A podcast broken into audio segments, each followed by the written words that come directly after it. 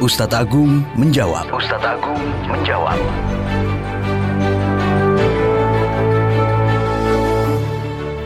Mitra Muslim, dalam keseharian kita banyak kemungkinan kebaikan ataupun keburukan.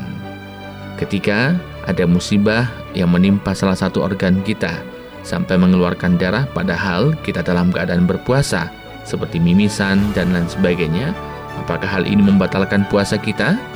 Lalu, apakah kita yang ingin mendonorkan darah ataupun mengambil darah untuk dipelajari di laboratorium diperbolehkan pada saat kita sedang berpuasa?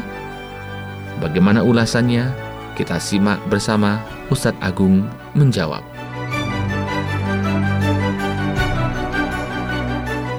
Veteran Muslim, seorang yang sedang berpuasa, kemudian mengeluarkan darah ketika tidak sengaja, seperti mimisan, luka, maka tidak membatalkan puasanya.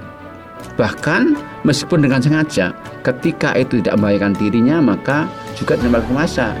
Contohnya seorang yang bekam, itu nggak berpuasa puasa selama tidak membahayakan dirinya. Memang ada dua hadis kan bekam ini, di mana salah satu mengatakan aftarul hajimu wal muhtajimu batal orang yang hijamah tapi hadis ini mansuh oleh hadis berikutnya. Dan Rasulullah SAW pernah bekam sementara bahwa so imun puasa.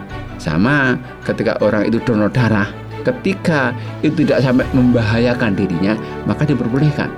Tetapi jika sudah dipastikan rekomendasi bahwa dia membahayakan diri maka akan batalkan. Maka lebih baik kalau orang donor menunggu nanti setelah usai buka sehingga tidak berpengaruh pada keabsahan puasanya